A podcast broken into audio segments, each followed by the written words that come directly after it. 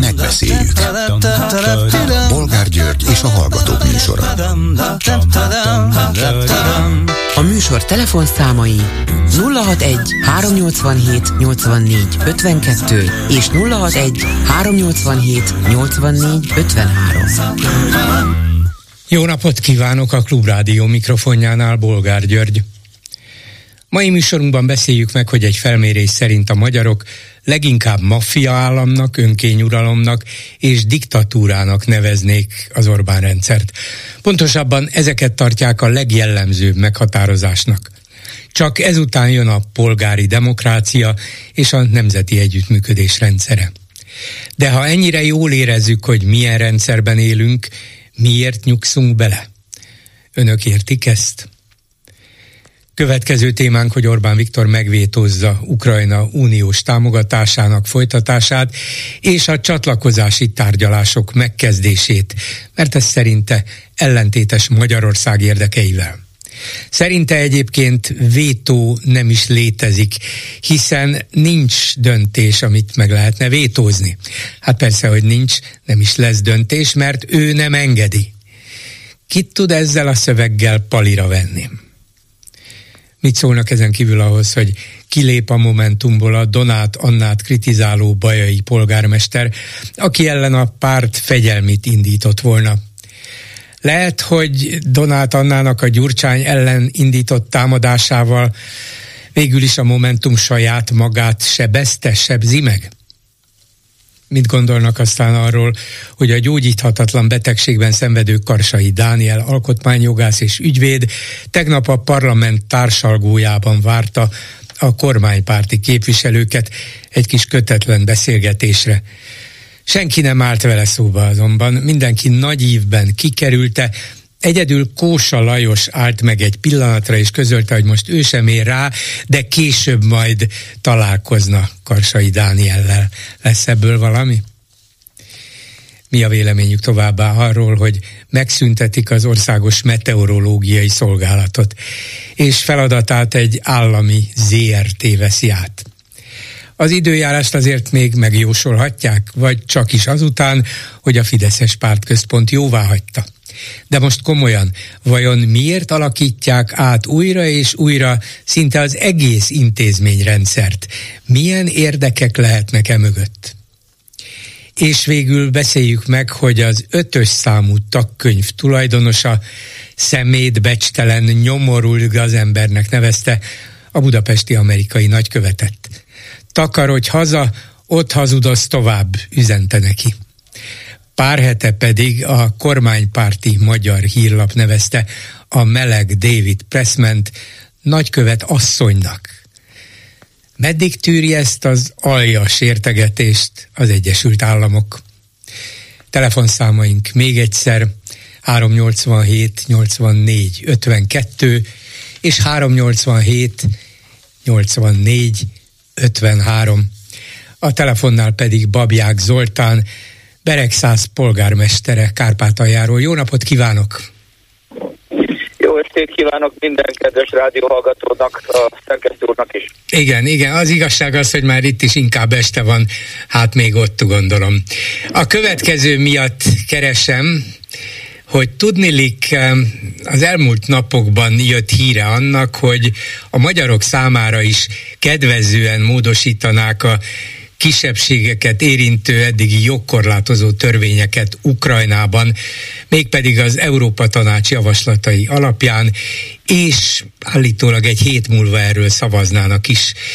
Mi van ebben a törvénytervezetben, vagy törvénytervezet csomagban, saláta törvényben, amit ön, önök, a kárpátaljai magyarok is pozitívumként értékelhetnek? Korábban példátlan magas szintű megbeszélésen tudtunk részt venni. Egy héttel ezelőtt a, a megyéri kormányzó irodájában a Mihály miniszterelnök úr vezetésével, ahol kárpátaljai magyarság képviselők voltak jelen, és sikerült bizonyos háttéranyagot kaptunk arról, hogy mi az a törvénytervezet, amit a miniszteri kabinet dolgozott ki, és nyilván a parlament elé fog kerülni már napokon belül. Az igazság az, hogy az Európai Unió feltételeire van integrálva ez az új törvény, és tulajdonképpen a jogokat vissza tudja állítani abban az eredeti állapotban, amiben az oktatás az, iskolá, az iskolákban, az óvodákban az oktatás vissza tud kerülni abba vágány, arra vágányra, amit független Ukrajna első éveiben is tudott használni az oktatási rendszer.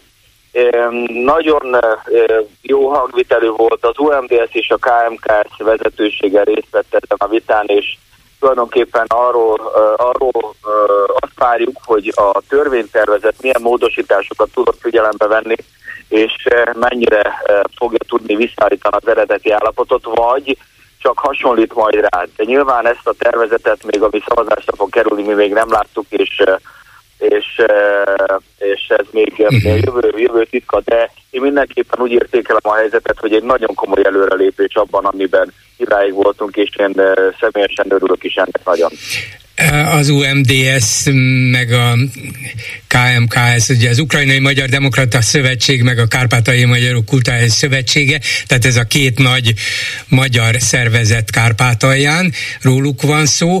Azt jól veszem ki a híradásokból, hogy a jelenlegi törvénytervezet, amelyhez ezek szerint még remélnek olyan módosításokat is, amelyek még tovább bővíthetik a korábban elvett jogköröket és lehetőségeket, szóval ez a jelenlegi törvénytervezet azért alapvetően például lehetővé teszi a magyar nyelv használatát az iskolákban, és néhány, mondjuk az ukrán nyelvet, irodalmat persze ukránul tanítanák, meg azt hiszem honvédelmet és az ukrán történelmet, de alapvetően lehetne továbbra is magyarul tanulni, a felsőoktatási intézmények pedig megválaszthatják maguknak a tanítás nyelvét, azaz a magyart is?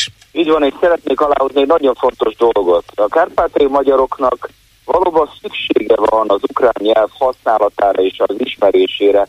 Ezt ismernünk kell ezt a nyelvet ahhoz, hogy eh, teljes értékű polgárai tudjunk lenni Kárpátaljának és Ukrajnának. Emellett, a, ha, ha hozzátartozók vagy a szülők ezt a jogot úgy tudják majd eh, képviselni, hogy eldönthetik, hogy magyar nyelvi óvodába, magyar nyelvi iskolába adják-e, vagy ukrán nyelvi óvodába, ukrán iskolába, ez, ez, ez egy eh, tulajdonképpen a család belső ügye tud válni, belső ügyévé tud válni. Viszont itt arról is szó van, hogy az ukrán nyelv elsajátítása milyen módszertani eh, feltételekhez lesz kötve, mert mi azt szeretnénk tényleg, hogy az iskolákba, iskolákba a magyar osztályokba is kiválóan tudják megtanítani az ukrán nyelvet, az ukrán irodalmat. Viszont az általános, a természetes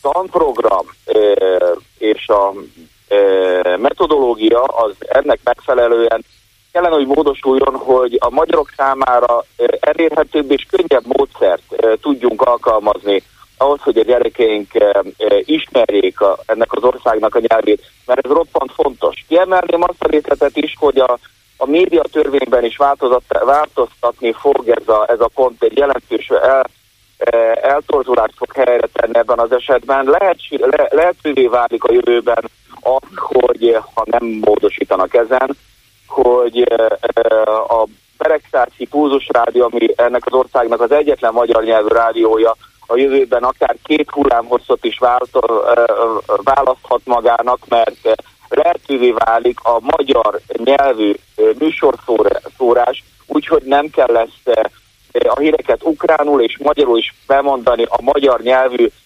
kárpátai rádióban. De viszont természetesen nekünk ukrán hallgatóink is vannak, tehát természetesen azok a hírek, amik ebből a rádióból jönnek, az lesz számomra a legértékesebb dolog, hogyha egy ukrán frekvencia csak ukránul fogja ezeket a híreket, és egy magyar frekvencia csak magyarul fogja ezeket a híreket adni. Ez az új törvény ezt lehetővé teszi, és nyilván ez is egy komoly erőlerépés. Az Egyesült Államokban természetes dolog az, hogy egy rádióban mondjuk egy speciális frekvencián franciául beszélnek. A, a rádióban egy normális dolog az, hogyha ezt, a, ezt az nyelvet úgy használják a gyakorlatban vagy a munkahelyen, ahogy ez jó annak a közösségnek. Tehát én úgy érzem, hogy az lesz a mérvadó, amikor majd e, publikálva lesz az a törvény, ami szavazásra lesz helyezve, ez lesz egy végső vagy nem végső verziója ennek a dolognak. Tulajdonképpen azután tudjuk csak meghúzni azt a vonalat, amivel értékelni tudjuk a helyzetet, és én is nagyon nagy érdeklődésre várom ezt a pontot. Az ukrán miniszterelnökkel folytatott megbeszélés végül is nyitva hagyta ezt a lehetőséget, tehát az eddig megfogalmazott törvényjavaslathoz képest hajlandónak látszanak befogadni még további biztosítékokat a kisebbségi nyelv használatra? Abszolút, én ezt így vettem észre, és ott uh, úgy zártuk le a zárt megbeszélést, hogy mindenki az esetleges módosítási javaslatát juttassa el a megyei katonai adminisztráció képviselőin keresztül a miniszteri kabinetbe ahhoz, hogy ezt figyelembe tudják venni hogyha sikerülne elfogadni egy a magyar kisebbség számára, de nyilván itt lehet románokról, lengyelekről, másokról is beszélni, elfogadható és előnyös a korábbi állapotokat visszaállító törvényt, akkor ön szerint volna annak értelme és haszna Ukrajna számára, hogyha formálisan legalábbis megindulnának a csatlakozási tárgyalások Ukrajna Európai Uniós tagságáról? Minden Beregszácinak, minden Kárpátainak fontos az, hogy ez a perspektíva mindig a fókuszkelés közepén tudjon maradni. Nekem, nekem úgy, úgy tűnik itt 8 kilométerre az EU határtól, hogy a határok átjárhatósága, illetve a Schengeni zónának a perspektívája, hogy meg tudjon jelenni, ez a kárpátai, a kárpátaljai e, magyarok és ukránok számára egyformán nagyon fontos dolog lenne, és tulajdonképpen nem másodrangú, másodrangú európai polgároknak éreznék magunkat, hanem nyilván a szabad határmozgással egy komoly erőlelépés lenne. De viszont figyelembe kell venni, mi történik most a térképen, mekkora a feszültsége az országban, és természetesen ez, a, ez az állapot ez nem fog örökké tartani. Nagyon bízom benne, hogy a háború mielőbb véget ér, természetesen hazajönnek a fiaink a határól, és mindenkit meg tudunk ölelni, meg tudunk szorít, szorítani, eh, magunkhoz tudjuk szorítani őket, és eh, természetesen ezután a legfontosabb ügy, amit el lehet képzelni ezután csak az, hogy mindenki hazajön, aki idáig nem tud hazajönni, és, a, és eh, megkezdődjön az a folyamat, amit mindenki pozitívan vár már, csak azért is, mert a határok átjár, átjárhatósága a mi közösségünk számára napirendi pont minden egyes héten a családok, aki, akik ingázó munkát vállaltak, vagy azok a családok, akiknek a, az idősebbek, a nyugdíjasok esetleg Magyarországon laknak, a, a fiatalok meg e, Beregszázból átjárnának hétvégére hozzájuk. Nagyon nehéz körülmények vannak, és néha kiszámíthatatlanok a tárviszonyok. Ez egy nagyon komoly e, dolog lenne, és ugye nem beszélve az európai értékekről, amire persze sokat lehet erről beszélni, hogy mik a esetleges negatívok, mi egy kicsit konzervatívabban járunk ezzel a dolgokhoz, nem vagyunk elég liberálisak, viszont a határok átjárhatósága szempontjából ez a kérdéscsoport számunkra roppant fontos.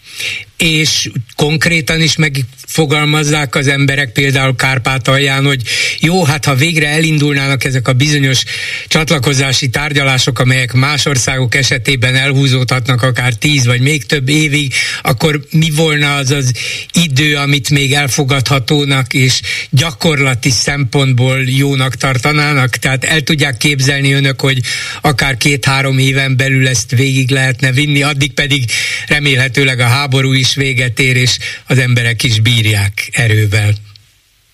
Az én benyomásom szerint ezt mindenki is szeretné, igen. Pár éven belül elérni ezt a pontot, hogy eh, eh, határok mozgatása a mai világban az szinte elképzelhetetlen, de sajnos Kelet-Ukrajnában látjuk ezt a képletet. Mi azt szeretnénk itt, hogy mellettünk a határok megszűnjenek, az országoknak a határa egy, egy együttműködési szerződésen keresztül e, e, tudna érvényesülni, nem pedig a sorompókon keresztül. Köszönöm szépen Babják Zoltánnak, Beregszáz polgármesterének, és remélem, hogy a nyelvtörvény, oktatási törvény is változni fog meg, még a csatlakozási tárgyalásokat is el tudják kezdeni. Sok erőt kívánok, viszont hallásra! Békés érboltot kívánok minden európainak! Köszönjük szépen! Háló, jó napot kívánok! Jó napot kívánok, Pitra Iván vagyok. Parancsoljon. Napok óta húzódó Donát Anna szagához szeretnék egy picit hozzászólni. Igen. Hogy én másképp látom, mint a hallgatók. Én úgy érzem, hogy a klubrádió hallgatósága egy elég ö, szűk klub. Egy buborék. Hát persze, nagyjából most már mindenhol, minden, még kisebb, nagyobb országokban is kialakulnak ezek a buborékok, így alakult sajnos a nyilvánosság, de látja, lehet, hogy egy szűk klub vagyunk, egy buborék, de ön például ezt a buborékot most áttöri, úgyhogy hallgatom tovább. Igen, igen. Tehát az a véleményem, hogy a DK nem viselkedett egész, hogy mondjam, tehát nem volt igazán összefogáspárti az előző választásokon. Én amikor a, kezdték betörni az embereiket, tudtam, hogy ennek már vége. Én, én, én azt a, a manipulációt, azt a lögdösödést egy picit úgy érzem, hogy nagyon hasonlított a, a Miskolci ügyre, ami ugye most megint ugye előttünk van és nagyon aktuális. A DK-nak van egy, van egy fix szavazótábor, a kb. úgy, mint a Fidesznek, tehát a, ha esik, ha fúj, ez, a, ez az X számú ember ez a DK-ra fog szavazni. Ugyanakkor egy ideje mérnek elutasítottságot is a pártoknál, és ugye ön is sokszor említette, hogy a DK egy roppant elutasított párt a szavazóknál, a szavazók egy nagy részénél. Persze. Tehát a következő jelenti ez a képlet, a nagy támogatottság és a nagy elutasítottság, hogy el tud érni egy elég nagy számot, tehát lefoglal X számú szavazót, viszont soha sem tud egy bizonyos százalék szám felé nőni. Tehát Orbán Viktor hátradől és kér egy kávét. Na most térjünk Donát Annára. E- ehhez egy mondatot hadd tegyek hozzá. Azért 2018-ban, tehát az előző választáson a DK éppen csak, hogy bejutott a parlamentbe, azt hiszem 5,37 százalékkal. Na ahhoz képest, ugye az egy évvel későbbi európai parlamenti választáson már 16 volt neki, és azóta is ilyen 14-15-20 százalékig menő méréseket mutatnak, tehát sikerült följebb menniük azt a, én úgy érzem, hogy azt a réteget húzta át az MSZP-től. A, uh-huh. Az az úgynevezett DK-s réteg most nincs meg az MSZP-nek. Ja, ez lehet, igen. Tehát, hogyha, hogyha ezt egy konglomerátumnak vesszük, már pedig ugye mondhatjuk, hogy közel állnak egymáshoz, akkor, akkor tulajdonképpen ez, ezen a halmazon osztoznak. Igen, e, ez lehetséges, mert olyan 20-25 százaléka volt ennek a szocialista baloldalnak nagyjából 2010-ben is, meg 14-ben is. Igen, ez, ez valószínűleg igaz. És ennek, ennek, ennek tudatában egy picit hagy gondolkozzak Donát Anna fejével. A következő választásokat nincs az az optimista, aki azt mondja, hogy meg tudja nyerni a, az ellenzék. Én azt mondom, hogy akkor viselkedjünk úgy, ahogy ahogy, ahogy egy későbbi demokráciában viselkednénk, és ez nem a DK-val való összeköltözés. Azt adjuk meg az LMP-nek, ahol már csak a hiba határvezeték nevű szavazók szavaznak rájuk. De akkor milyen, mi a megoldás? Jó, feladtuk a választást, nem szabad összefogni, mert úgyse fog sikerülni, azzal a módszerrel sem, akkor inkább mutassuk meg magunkat, mi a Momentum vagyunk, nem a DK, eddig értem. De az mi, mire vezet? Mire jutnak vele? Én, én azt mondom, hogy, hogy tartsunk fenn egy, egy, egy, tehát a, egy későbbi, egy sok, mhm. jóval későbbi választás során ne hiányozzon ez a gondolkodás. Tehát legyen egy elfogadható párt. Bolgárul a fiatalok nem szavaznak a DK-ra. Biztos ebben, mert a fiatalok lehet, hogy már, már az sem, még ha tudják is, hogy ki a Gyurcsány, mert miket mondtak rá, nem érinti őket érzelmileg, nem foglalkoznak vele. Lehet, hogy éppen, hogy a fiatalok, a fiatal nemzedék az, amelyik számára még akár vonzó is lehet a Gyurcsány vezette demokratikus koalíció. Az, azok már rég azok már ott lennének. Én szerintem a fiatalok között rengeteg lehet az, aki nem megy el szavazni. Tehát ez a fajta megszólítás kialakítandó réteg.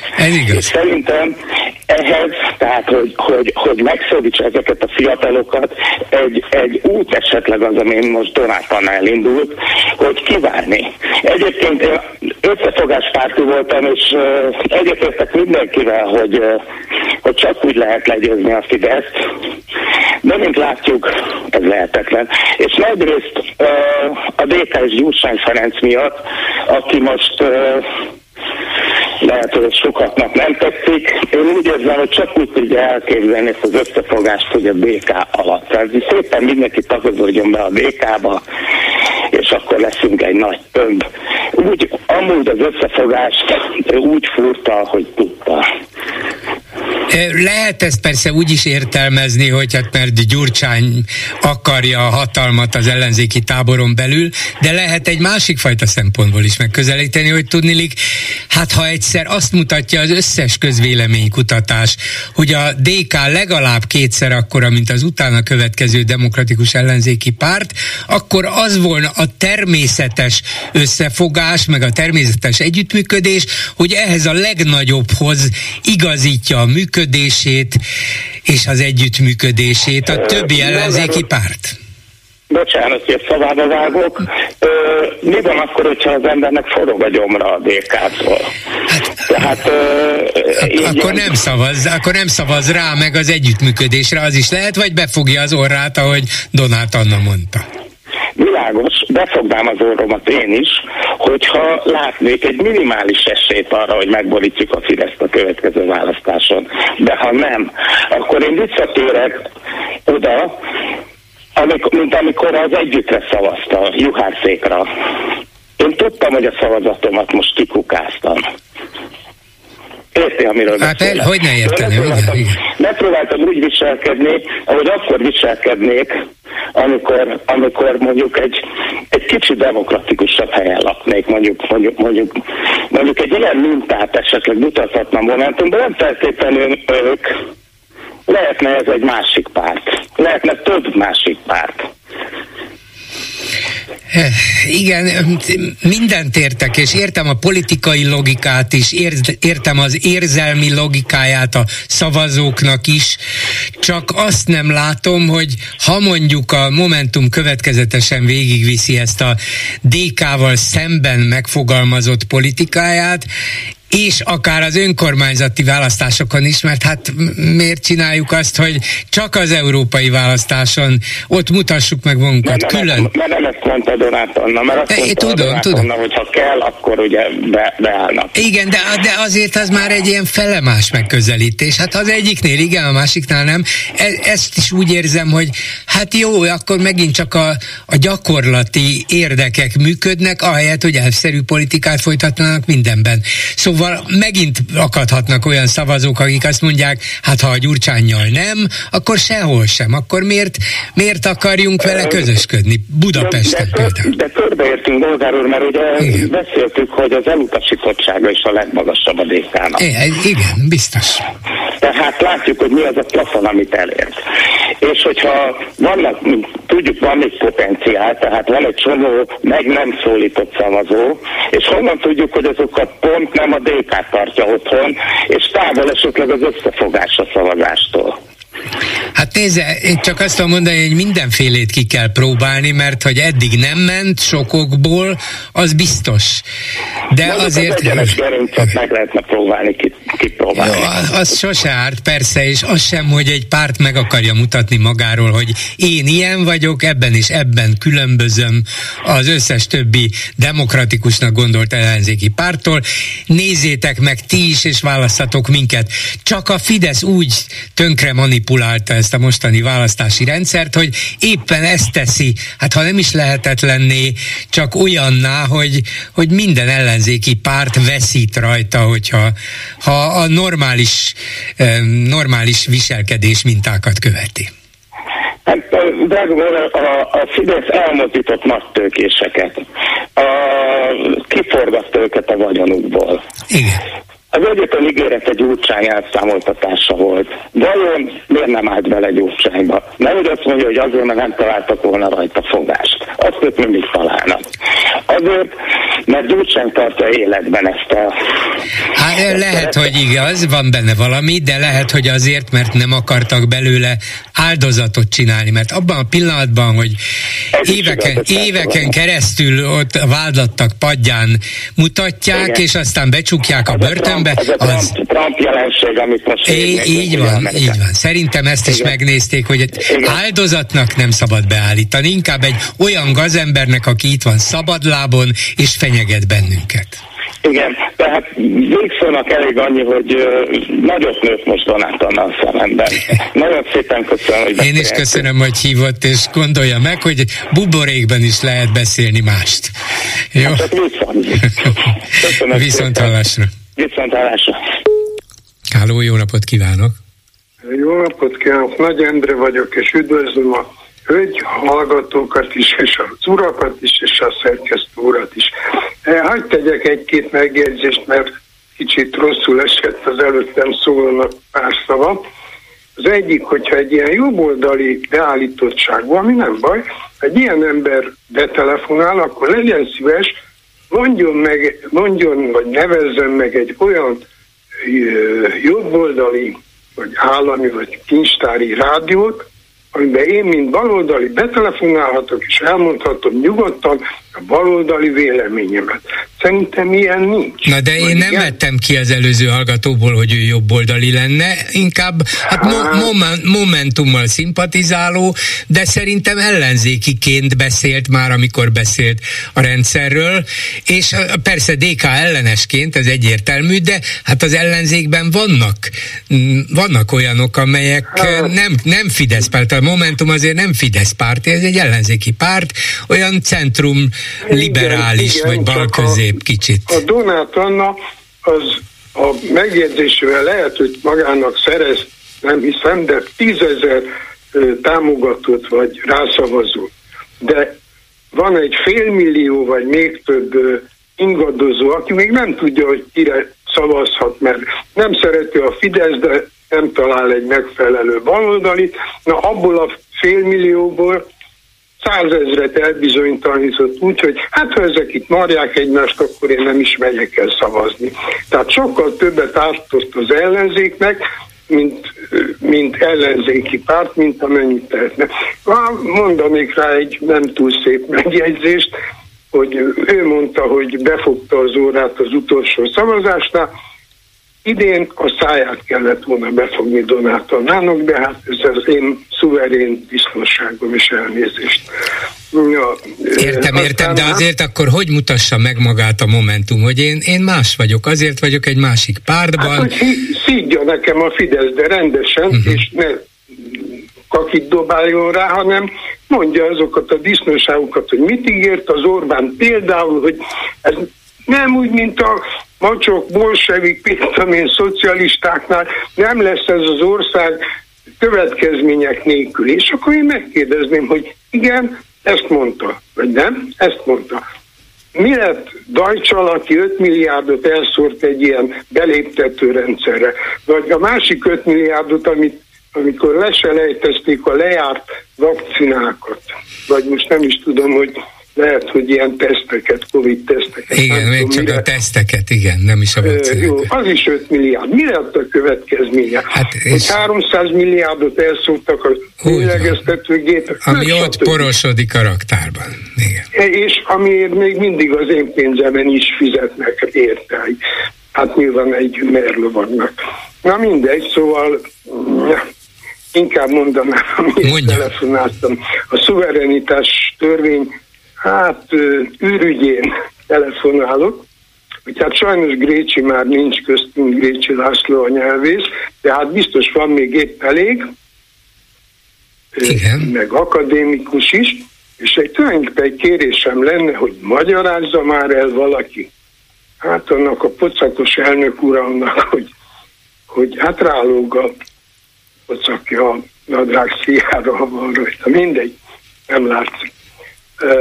Tehát magyarázzák már el neki, hogy ez az összetett szó, hogy önkormányzat, ez mit jelent?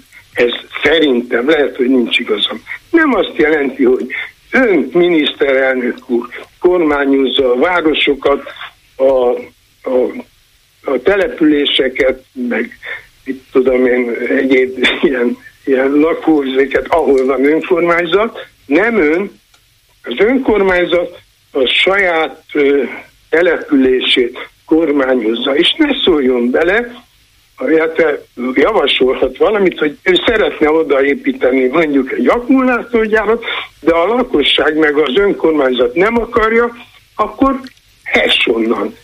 Hát, és már azt mondtam régebben, hogy, hogy ugye a, a szélkerekekkel kapcsolatban hoztak egy törvényt, hogy most nem tudom, 12 vagy 15, de jó, messze legyen minden lakott településtől, és akkor oda dugják szerencsétlen, egyébként főleg jobboldali, ennek örülök egyébként, a Debrecennek, hát az arcukba dugnak egy akkumulátorgyárat. Szóval ez hogy, hogy, hát hogy nézze, ez úgy van, hogy persze Orbán Viktor tudja, hogy mit jelent az önkormányzat, de azt is tudja, hogy ő mit szeretne, és ő mit tart politikai szempontból, vagy akár gazdaságilag, vagy közvetlenül anyagilag hasznosnak a saját, és a pártja, és a családja, és barátai szempontjából. És azt mondja, hogy hát jó van, ez az önkormányzat, de én meg úgy szólok ebbe bele a hatalmammal, hogy az önkormányzatnak lehetőleg minél kevesebb hát, beleszólás hatása legyen. Nem mondok semmi csúnyát, bolgár úr,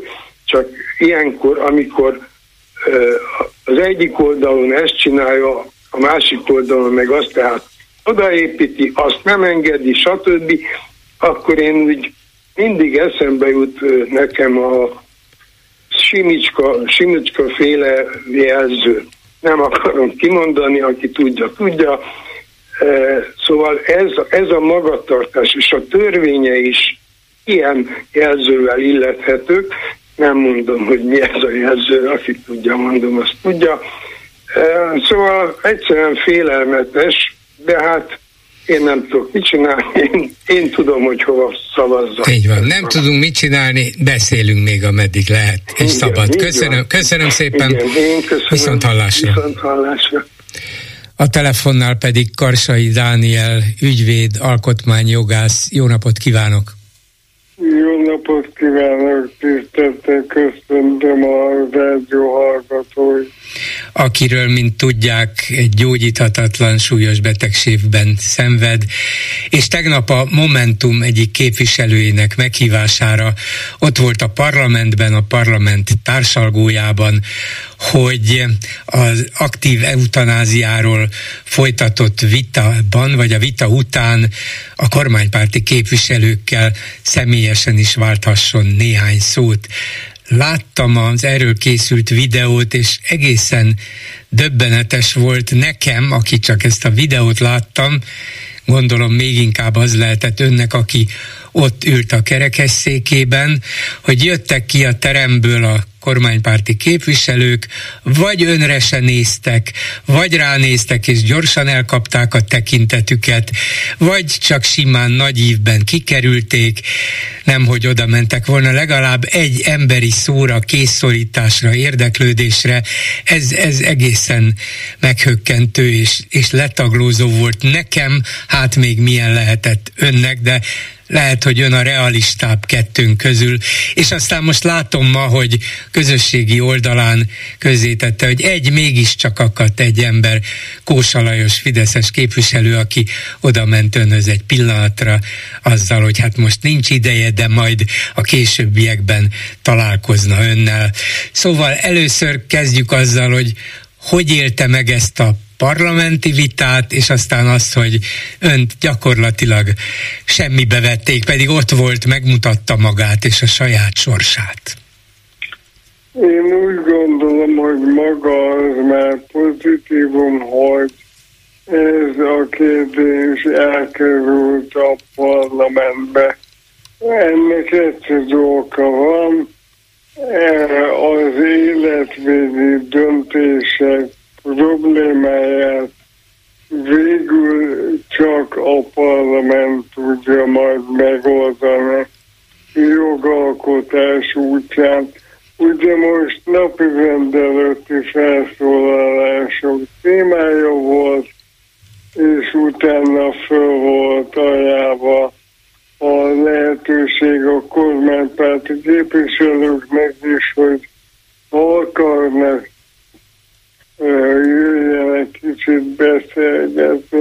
Egyelőre ebben a lehetőséggel nem éltek, de valahogy nekem egyből az ugrott be, amit a hölgyekkel való ismerkedésem legelején nálam tapasztaltabb a mondott, hogy donét kapcsolat elején mindenkinek joga van bármilyen kiinduló helyzetben lenni. A kormánypártok jelenleg ilyen kis elutasítóak egyelőre, de bízom benne, hogy azért rövid időn belül bizalmasabb viszonyba fogunk kerülni.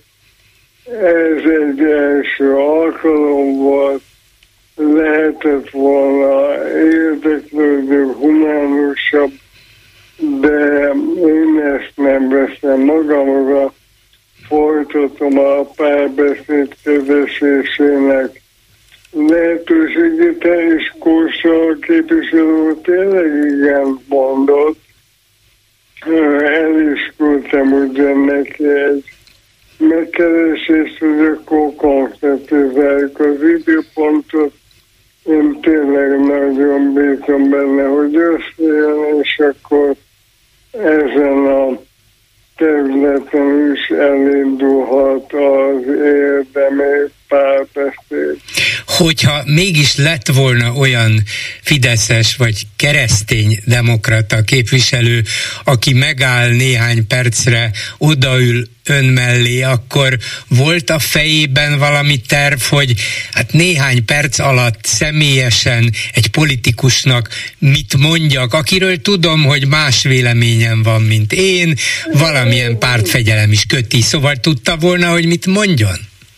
Igazából nem volt előre terv a fejemben, mindenkivel beszélgetni is szeretnék, az még úgy megy, hogy mondjuk kiindulásként megkérdezem, hogy mi az ő véleménye. Mondja el, és aztán, ha nem értünk egyet, elmondom én is az enyémet. Az biztos, hogy az nem volt, meg most sem célom, hogy bárkit kínos helyzetbe hozzák, tényleg a beszélgetés lenne a cél, aminek a végén egy jogszabályban is megnyilvánuló konszenzus alakulhat ki. Egyelőre ezzel nem túl nyitott a kormányzat, de bízom benne, hogy azért érzékelni fogják az e tekintetben megnyilvánulni látszó társadalmi akaratot. De meglátjuk, én továbbra is teszem, amit én meg tudok tenni. A jövőt pedig majd meglátjuk, amikor eljön. Hát azt igen, meglátjuk. Az Emberi Jogok Európai Bíróságán Strasbourgban néhány nappal ezelőtt ön is felszólalt, és hogyha az ön érveit el fogják ott fogadni a magyar állam érveivel szemben, akkor milyen érvénye, hatája és hatása lehet a Strasburgi Emberi Jogi Bíróságnak ebben az ügyben? Kötelezheti a magyar államot a jelenlegi törvények módosítására? Igen, tehát közvetlenül Strasbourg azt nem mondhatja, hogy ezt meg ezt a jogszabályt így meg így módosít. A, de azt kimondhatja, és remélem ki is mondja, hogy a magyar állam az életvédi döntések teljes tilalmával sérti az én alapvető jogaimat. Ez a magyar állam nézve kötelező, és az is, hogy ezt a helyzetet orvosolja, hogy hogyan, az a magyar állam döntési szabadságába tartozik. De a dolog jellegéből adódóan itt a büntető törvénykel és az egészségügyi törvény módosítása szerintem elkerülhetetlen lesz. Uh-huh hogyha a Strasburgi Bíróság az ön számára kedvező, az ön érveit elfogadó határozatot, döntést, ítéletet hoz, akkor önnek például van már, vagy annak alapján lesz majd egy konkrét írásba foglalt szövege arra, hogy mit javasol, milyen módosításokat hajtson végre a magyar parlament? Nincs, mert tényleg először látni kell, hogy mit dönt Strasbourg. Meg nem én vagyok a jogalkotó, de a különböző minisztériumban megfelelő szakaparátus van. Azért én úgy gondolom, hogy nagy gond lenne, ha nekem kéne konkrét norma szöveget írnom bízom benne, hogy ezt a parlament és a kormányzat időben megteszi, amikor még nekem és a hasonló helyzetben lévő sorstársaimnak ezt tényleges segítséget tud nyújtani. A tegnapi vitában, vagy a parlamenti ülésen Bedő Dávid Momentumos képviselő idézte önt, és akkor kérdezem is, hogy így, hogy valóban idézte, ezt mondta Strasbourgban, mert nagyon nagyon erős és megható, és érzelmileg az embert magával is ragadja, hogy magyar vagyok, szeretek az lenni, ahogy ezt az országot is szeretem, ha már itt élnem és halnom kell, hagyják, hogy úgy csináljam, hogy ez nekem jó. Ezt mondta Strasbourgban is, és értették, mert ezt itt élned, salnod kell, ezt, ezt nem biztos, hogy értik a külföldi bírák. Hát uh-huh. A szózatra való utalást valószínűleg csak a magyarok, de szerintem igen pontosan idézték. Én amikor majd kell itthon szeretném befejezni a földi pályafutásomat, szerintem ehhez jogom van, és ez nem olyan nagy kérés, csak jó lenne, ha nyitott fülekre és szívekre találnak a döntéshozói oldalon is tapasztalt ügyvédként, aki járt már más ügyekben Strasbourgban is, mit, eh, mit látott, mit érzett ezen a mostani tárgyaláson, hogyan fogadták a bírák az önérveit, hogyan hallgatták végig a kormány, illetve az állam képviselőjének érveit, esetleg voltak kérdéseik, amikből valamire következtetni lehetett. Szóval, hogy látta ennek az egésznek az alakulását? Persze ön se tudja megjósolni a végkifejletet. Úgy erre igazából nem lehet válaszolni, és nem kimenekülve a kérdés alatt, tényleg ilyenkor el tudunk egyébként 5-10 méterre ülő bírák testbeszédében jól vagy rosszul látszó mimikájában, vagy egyes kérdésekből most valami nagy következtetést levonni, és szerintem nincs sok értelme. Én azt tudom mondani, hogy szerintem Stánitz Péter kollégám egészen kiemelkedő teljesítményt nyújtott, ahogy a többi neki, nekünk segítő kollégánk is én úgy gondolom, hogy a mi érveink meggyőzőbbek voltak, mint a kormány de tényleg meglátjuk. Nem akarok, és nem, vagy nem csak babonából találgatásokba bocsátkozni. Tényleg a ha van tapasztalatom időként, akkor ez ez, hogy nem lehet. Én bizakodó vagyok, amikor kéne az ítélet, meg okosabb is leszek, addig nem tudnék igazán semmi kézzelfogható jóslatot mondani. Volt-e Strasbourgban, vagy előtte, vagy utána külföldi sajtóérdeklődés, vagy szakmai, jogi érdeklődés? Mert az itthoni érdeklődés megvan, külföldi van-e? Érzékelik? Most már az is alakulva, egyelőre még meglepő módon, főleg Szlovákiából, Csehországból, de Franciaország, Anglia, Svédország innen már kerestek meg médiumok, én meg akinek tudok, állok rendelkezésére. Hát akkor ehhez sok erőt kívánok, és bár ilyenkor gyakran szokta az ember azt mondani, hogy minden jót kívánok, ezt tudom, hogy nem lehet, nem tehetem meg, de legalább azt a kevés jót, amit lehet, azt mindenképpen kívánom önnek, és... Ó, én nagyon szerencsés, hogy nekem az életemben.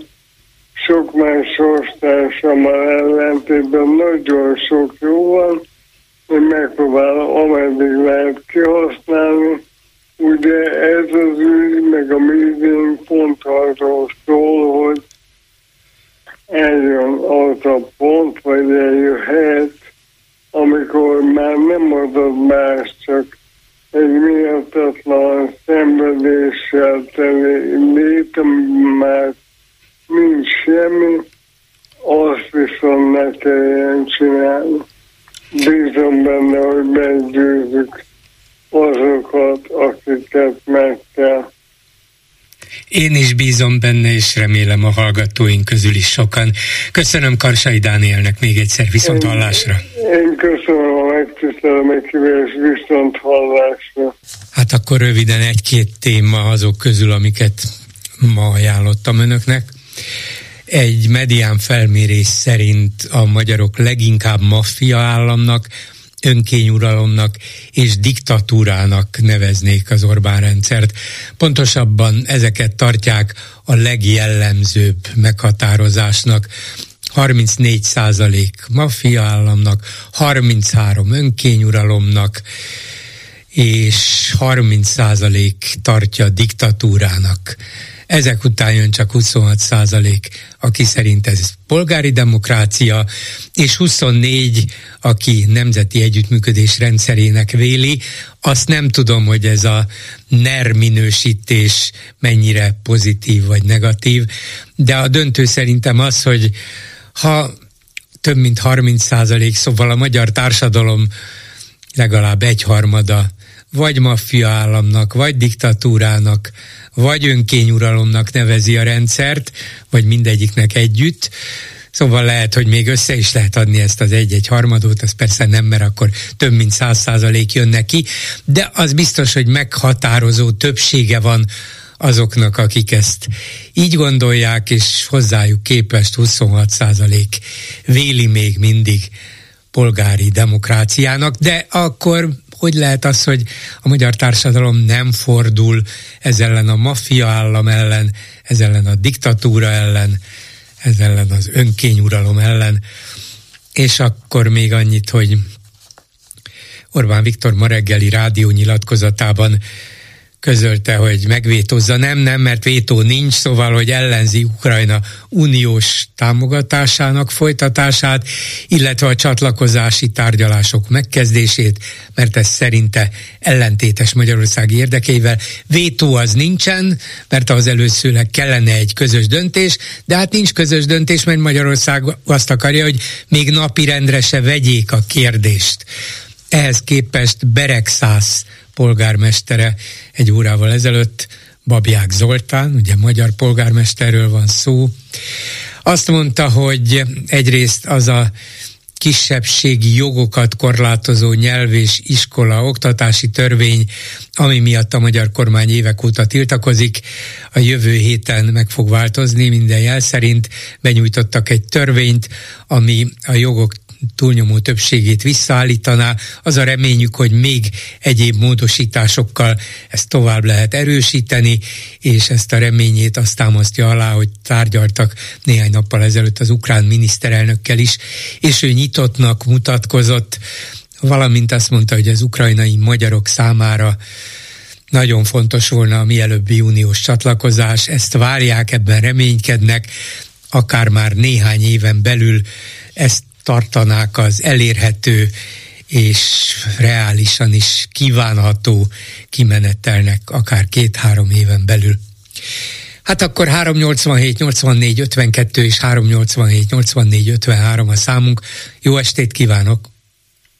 Jó estét kívánok, Láncos Veronika vagyok. Igen, hallgatom. Ö, nagy lenne a csábítás, hogy ez az utolsó kérdésre válaszoljak az én véleményemmel, hogy mi a, hogy minősítsük ezt a társadalmat, amiben szerintem az önkényuralom és a diktatúra azok szinonimák, és a maffia állam az meg ennek egy sajátos arculatot ad ennek a diktatúrának, és hogy miért nem tudunk ezzel szembenézni, hát az egy külön beszélgetés lenne, de ö, kicsit összefügg azzal, ami, ami miatt telefonáltam egyébként. Ez pedig annak a betelefonálónak a véleményére való reakcióm, aki a Momentum védelmében fejtette ki, hogy hát miért van rendben az, hogy Donát Anna nem tudja elképzelni a, az egy listára kerülést Gyurcsány Ferenccel, és egymás után sorjáztak azok a klissék, amik ebbe a pszichózisban naponta fordulnak elő, és engem az zavar a legjobban, hogy soha nincsen kibogozva, hogy tulajdonképpen miről is beszélünk. Tehát például kezdjük azzal, hogy azt mondta ez az úr, hogy a Gyurcsány a legnagyobb elutasítottsággal rendelkezik a, az ellenzéken belül. Na most az elutasítottságot mindig teljes népességen belül mérik, tehát teljesen logikus, hogy Gyurcsány Ferenc a legnagyobb elutasítottsággal rendelkezik, miután az összes Fideszes és jobboldali elutasítja. Tehát ebben a százalékban ez benne van. Ellenben az ellenzéken belül nem tud a legnagyobb elutasítottsággal rendelkezni, hiszen az L, a, a DK a maga majd, most már egy millió körüli szavazójával, de mondjuk 800 ezer, az összellenzék, valaha is szavazó összellenzék egyharmadát jelenti már. Most erre az egyharmadra mondják azt, hogy vele nem lehet, meg akadályai a tovább lépésnek.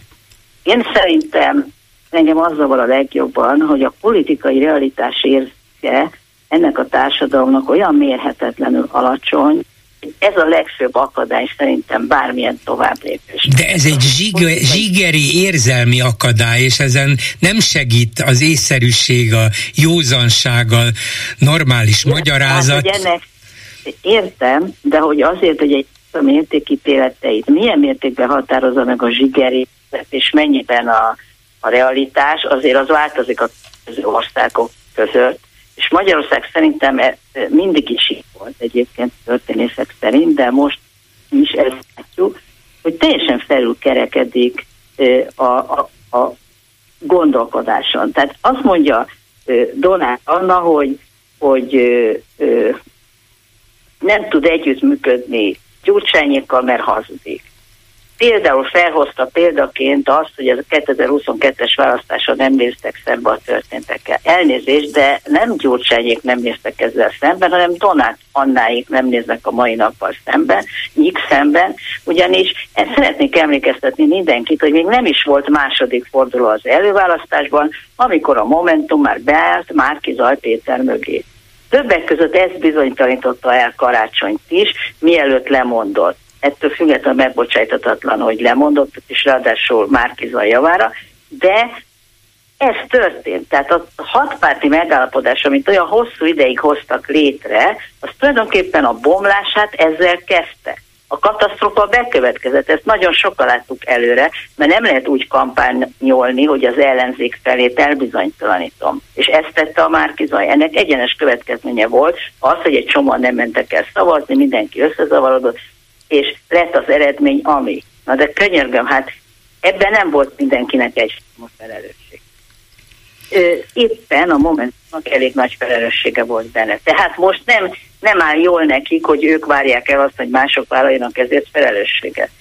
A másik, amit ez az úr mondott, hogy tulajdonképpen Gyurcsány a ébren Orbánt, vagy hatalomban, mert elmaradt az és én annyira szeretném megkérdezni ezeket az embereket, akik erre hivatkoznak, hogy milyen elszámoltatás maradt el, amit a Fidesz tudott volna véghez vinni. Lopott a gyurcsány?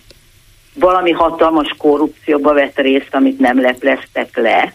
Hát a sokkoró ügy, amit kvázi egy koncepciós ügy volt, hegynagyságnyira Hát igen, de azért két vezető tisztviselőt becsuktak évekre, úgyhogy Én, ha a Fideszen múlik, be tudják, teljes mértékig nevetséges. le tudják csukni Gyurcsányt, de mégis csak börtönben végezték, annál szörnyű. Értem, de itt arról beszélnek, hogy nem lett elszámoltatva a Gyurcsány, és biztos azért nem lett elszámoltatva, mert Orbánnak úgymond szüksége van rá.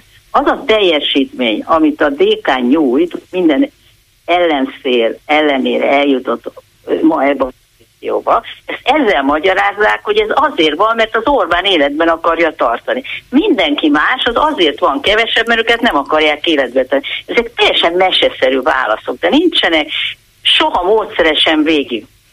Azt a kérdést tette fel ez az úr, hogy ö, a Momentum az nem akar későbbi időpontra gondolkodik, és meg akarja mutatni, hogy ők másképp politizálnak. De könyörgöm, egy, biztos, hogy a négy vagy nyolc évig nem lesz kormányon a Momentum sem, akkor ezek a politikusok pontosan annyira fognak erodálódni, hogy akkor már senki se lesz rájuk kíváncsi, mint, mo- mint most mondják ők az Igen, ez egy fontos szempont, másik... mert hogyha legközelebb is bukik az ellenzék, benne a Momentum, hát akkor buknak a vezetők is, akik azt a politikát erőltették, amibe belebuknak. Igen. Igen, Igen. és a másik pedig az, hogy mi a politikai realitás. Tehát, hogyha egy politikusnak muszáj prioritásokat kijelölni tudni, Hát, hogyha én, le hogyha én, én egy önkényuralomban, diktatúrában élek, akkor az az elsődleges célom, hogy ezt a diktatúrát valamilyen módon megszüntessem. Ha ezt akarom tenni, akkor körülnézek, hogy kivel lehet ezt csinálni.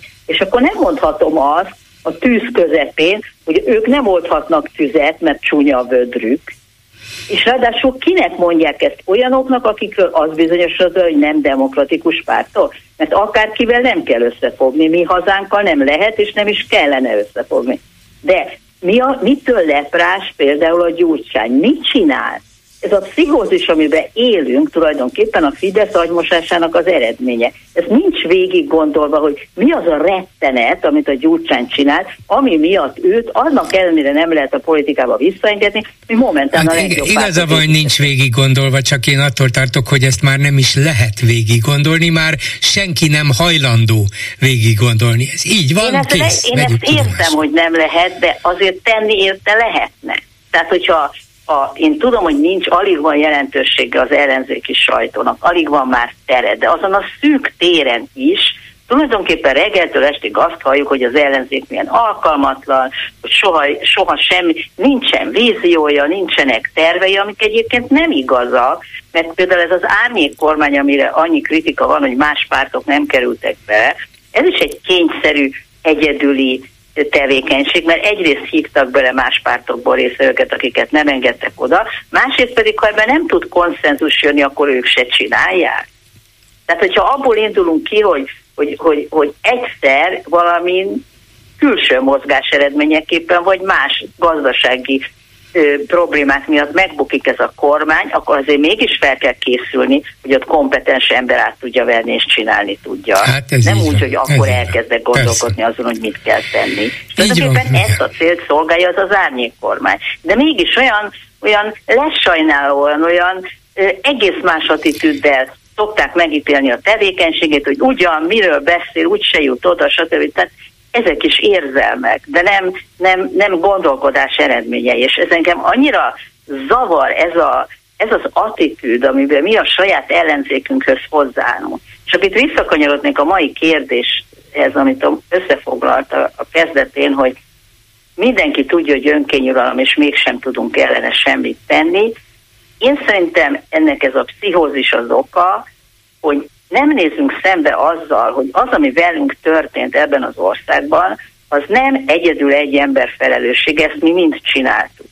És azért, te, és, és ráadásul itt arról van szó, hogy itt nem egyedül vagyunk a világban, ahol ez történt, világon változott politika, ezért azáltal, hogy a tömegkommunikációnak ilyen robbanása volt, ami, hogy minden ember füléhez el lehet vinni az álhíreket, és ha többször viszik el, akkor az győz az igazság felett is, és a nyilvánosság már nem leplezi le a, a, az igazság, a, a hazugságot az igazsággal szemben.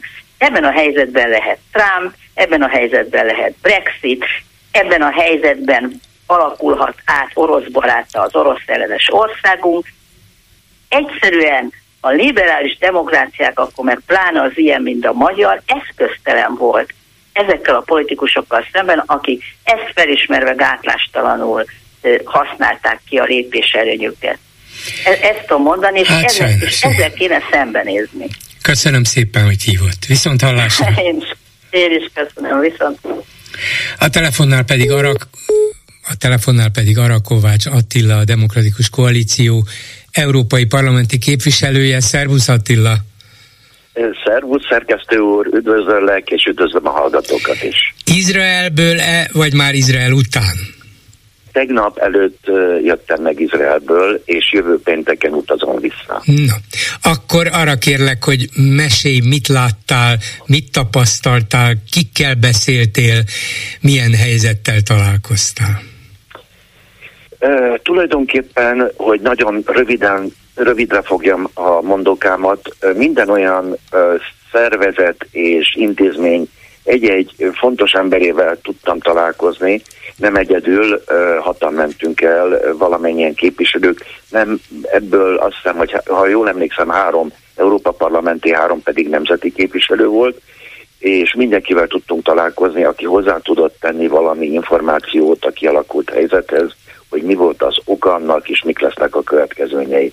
Tehát találkoztunk miniszterekkel, a biztonsági szolgálat vezetőivel, nagyon sok katonával és elemzőkkel is. És... Ha a kérdésed arra vonatkozott, hogy mi is történt ott, mert Magyarországon erről sok hír és álhír terjedt el. Igen, az is, hogy mi történt, mi történik, és mi történhet. Igen. Nos, az történt, hogy október 7-én 8 óra, reggel 8 óra előtt 10 perccel körülbelül 3-500 Hamas fegyveres megtámadott több tucat kibucat kis települést Gáza határai mentén. Tulajdonképpen mindenkit megöltek, akit el tudtak érni. Nagyon sok volt közöttük a gyerek, a nő, főként ők voltak ilyen órában otthon, a férfiak elmentek már a dolgukra, de sok férfit is megöltek természetesen. Hadsereg nem volt jelen ebben az időszakban, később jöttek meg pár óra múlva, rendőri fenntartó erők sem voltak ott, tehát eléggé jól fel volt kész, elő volt készítve ez a támadási akció. Csak a volumenét mondom el, hogy egy Strót városkában voltam, ahol, ahol 129 embert töltek meg az utcán. Voltam egy Béri nevű kibucban, ez volt talán a legtragikusabb, ahol gyakorlatilag majdnem a felét kiirtották a lakosságnak, házról házra jártak, és hát mindenkit vagy késsel meg, történt, nem tudom, hogy el lehet mondani, fejeket vágtak le, embereket kötöttek kocsik után, és húzták őket végig. Az, e, ez volt az első hullám. Ezt követte egy második hullám, ami főként a fosztogatást jelentette, mindent vittek, amit csak elértek, és befejezték azokat a félbemaradt gyilkosságokat, amelyeket az első ö, ö, megjelent ö, Hamas emberek ö, tulajdonképpen kihagytak. Nagyon sok ember ez bezárkózott a házába. Tudni kell azt, hogy 91 óta csak úgy adnak ki építési engedélyt, hogy bunkert húz fel valaki a, a lakása mellé vagy alá, ide be tudtak egyesek zárkózni, de akkor rájuk gyűjtották a, a házat, és ott bent haltak meg gyakorlatilag. És volt még egy harmadik hullám is, amikor a békés gázai nép jött örjöngve, tapsolva és éljenezve azokat, akik véghez vitték ezeket a Hogy ők is átjöttek a határon, és... A hat, határ ekkor már nem létezett, mert a határon a kerítést buldózerekkel felszámolták, a Hamász felszámolta, és a, a, a környező apró településekről, Gázából át tudott özönleni a lakosság. Uh, nyilvánvalóan ekkora már megjelentek az első helikopterek, illetve a hadsereg, nagyon sok embert megöltek ezek közül, akkor körülbelül ezer uh, uh, terrorista uh, vesztette életét, a biztonsági emberek, később a bombázások és a, a gázai akció kezdete után pedig jelen pillanatig plusz még 5000 ember halt meg, ezek fegyveresek, tehát Hamas terroristák, összesen tehát jelen pillanatig nagyjából 6000 fegyverest. Arra kaptatok valami választ, hogy hogy lehet, hogy ilyen váratlanul érte a minden szempontból, a minden pillanatban kitörhető háborúra felkészült Izraelt ez a váratlan és, és döbbenetes terrorakció. Éppen most láttam a New York Times-ban pár órával ezelőtt, hogy az izraeli hírszerzésnek már egy évvel ezelőtt megvolt az információja arról, hogy a Hamas egy ilyen terrortámadásra készül, csak éppen nem tartották reálisnak és kivihetőnek. Volt valakinek valamilyen épkézláb magyarázata arra, hogy ez mégis hogyan eshetett meg? Nagyon is volt. Két nem magyarázat van, hanem két oldala van a magyarázatnak. Az egyik magyarázat az, hogy a Nehu kormány annyira megosztotta a társadalmat és ezen belül a biztonsági szerveket, hogy azok uh, nem működtek olyan megfelelő módon, ahogy a korábbi évtizedekben ezek működtek. A másik oldala ennek a magyarázatnak pedig az, hogy a Netanyahu kormány elsősorban attól félt, hogy Cisjordániában, tehát a Jordán nyugati partján levő uh, palesztin entitásba fognak kitörni valamilyen uh, uh, mozgalmak vagy uh, lázadások, egyszerűen azért, mert, mert Jom Kipur volt, és ilyenkor mindig számítható ilyesmire. Tehát a biztonsági szerveket elsősorban északra, észak-nyugatra, észak-keletre vitték. Ezért nem voltak itt katonák a szokásos módon, nem voltak megfelelő fegyveresek, sőt, tulajdonképpen önkéntesek sem, gyakorlatilag majdnem minden férfi önkéntes katona Izraelben, tulajdonképpen ők sem voltak ott akkor. Ráadásul szombat volt, és mondom, a zsidóság egyik legnagyobb ünnep, Jom Kipur, mindenki valamilyen olyan szabad elfoglaltságot tervezett magának, amiben hát nem illet bele semmi olyasmi, ami aztán bekövetkezett. Uh-huh. Ennek egy óriási következménye van jelen pillanatban a, az izraeli társadalomnak, ennek a felismer, amikor felismerték most utóbb, ugye 55. napja, 56. napja történt ez, a, ez az esemény, ez a tragikus esemény, amikor ezt azóta felismerte a társadalom, és ezt a felmérések abszolút mértékben igazolják. Megkérdeztem az egyik parlamenti képviselőt, hogy aki egyébként betámolt erről a megosztottságról, hogy most hogy áll ez, ez az egész történet. Azt mondta, hogy van megosztottság, de egészen átalakultak annak határai, míg eddig jobb és bal oldal állt egymással szemben, jelen pillanatban az egyik oldalon van a Netanyahu is kormánya, a másik oldalon pedig mindenki más. Ő szó szerint ezt mondta és ezt igazolják a felmérések. Jövőre lesznek választások, és ha minden így marad, nyilvánvalóan nem tudunk jósolni, de olyan, ö, me, ö, olyan rossz ö, híre, olyan rossz benyomás alakult ki, totális benyomás alakult ki az izraeli társadalomban, amit nem hiszem, hogy a Netanyahu kormány, illetve maga Netanyahu ki tudna addig valamit el tudná tüntetni. Ne felejtsük el azt, hogy az egyik leghűbb szövetségese épp a nap Lieberman volt külügyminiszter, a napokban jelentette be, hogy igen, tud arról, hogy a Hamasszal szembeni fellépést maga Netanyahu fékezte a korábbi években. Uh-huh. Na most ezek a hírek bénítólag hatnak a, a kormányzó pártra egyébként. Hogyha mégis volt alkalmad az utca emberével is találkozni, de hát gondolom azért a, a képviselők is, politikusok is tisztában vannak azzal, hogy hogy gondolkodik a társadalom.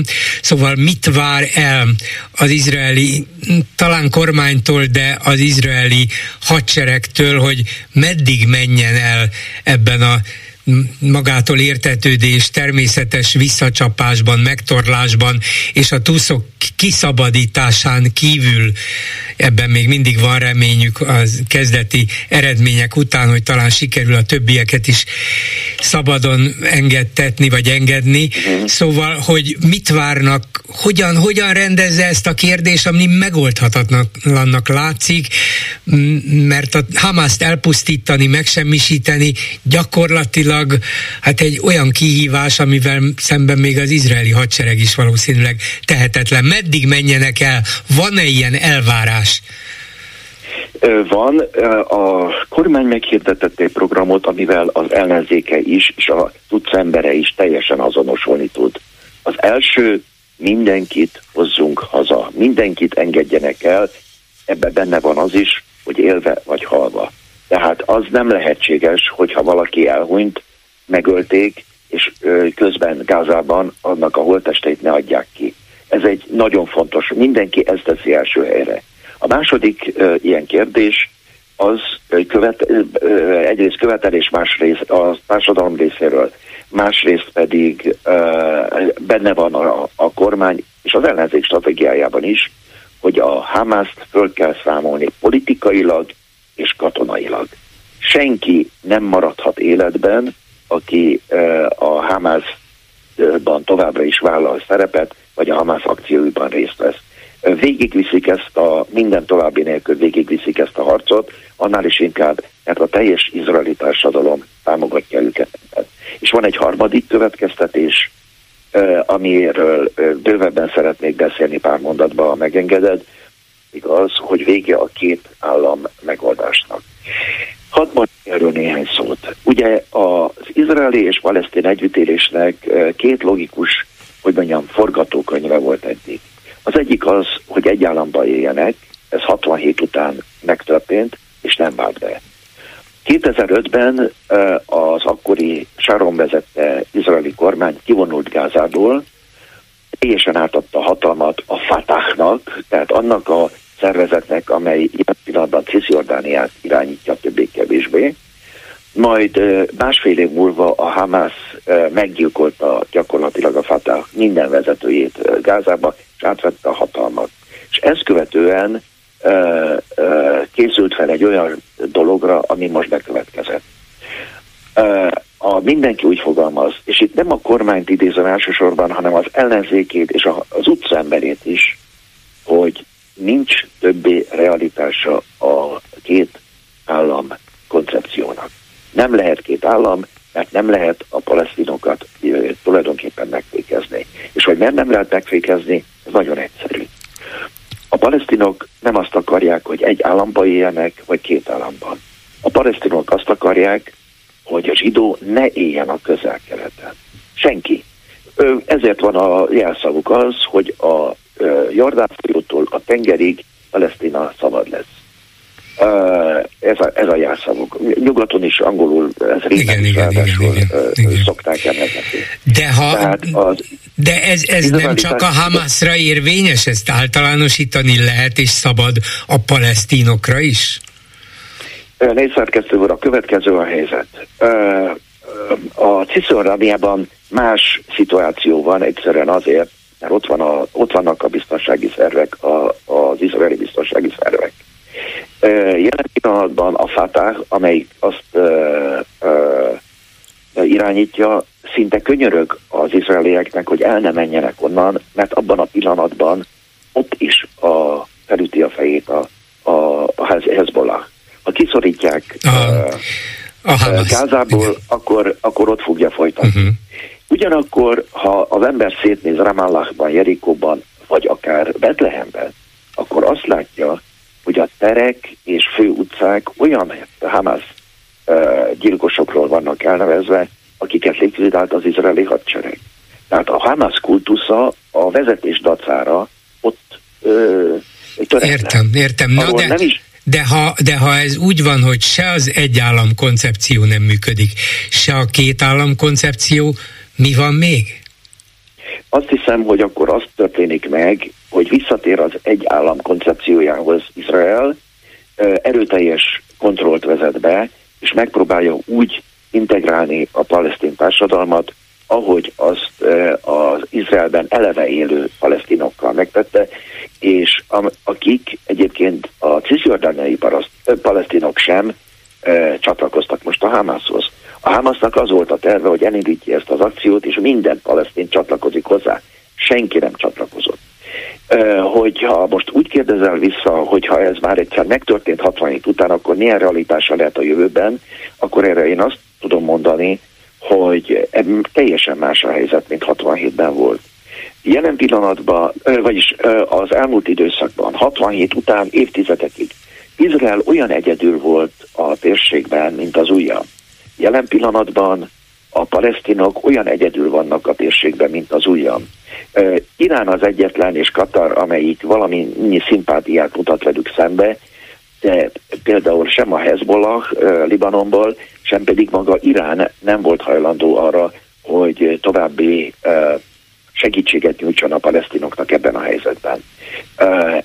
Ugyanakkor működik egy csomó áll, arab állammal olyan szerződés, amelynek azok nagyon örülnek, és amelyek, tehát főként a, a Ábrám szerződésre, megállapodásra gondolok, de két oldalú szerződések is vannak Jordániával, Egyiptommal, amelyek, amelyek az izraeli, az izrael való együttműködés prioritásnak tekintik. És jelen pillanatban Izrael felajánlotta azt, hogy fogadják be a, a menekülni akaró palesztinokat. Egyetlen arab állam sem volt, amelyik hajlandó lett volna akár egyetlen palesztint is befogadni. Az egyik biztonsági ember mesélte nekem, hogy Egyiptom nagyon ellenáll annak, hogy bárkit is beengedjen a Sinai félszigetre a, a, a Gázából, viszont szeretettel várja a Hamász a, a, fegyvereseit, akiket átenged, lefegyverez, és azonnal falhoz állít és agyonlő. Tehát jelen pillanatban a Hamasnak, illetve azoknak a palesztén radikálisoknak nincs szövetségese a térségben, akik, akik ezt az egész tragédiát okozták. Nem akarnak róluk hallani az arab államok sem. Ilyen esetben nagyobb az esély annak, hogy egy olyan kísérletet hajtson végre, történelmi kísérletet Izrael, hogy egyesítse az országot, és azon belül uh, integrálja a palesztin Ez egyébként azokkal a palesztinokkal, akik az eredeti határokon belül vannak, és amit, tehát amit a ENSZ is jelen pillanatban izraeli területnek tekint, azokkal nagyon jó az együttműködés, még hogyha vannak egyének, akik ezt opponálni próbálják. Én magam két olyan izraeli nagykövetet ismerek, akik palesztinok.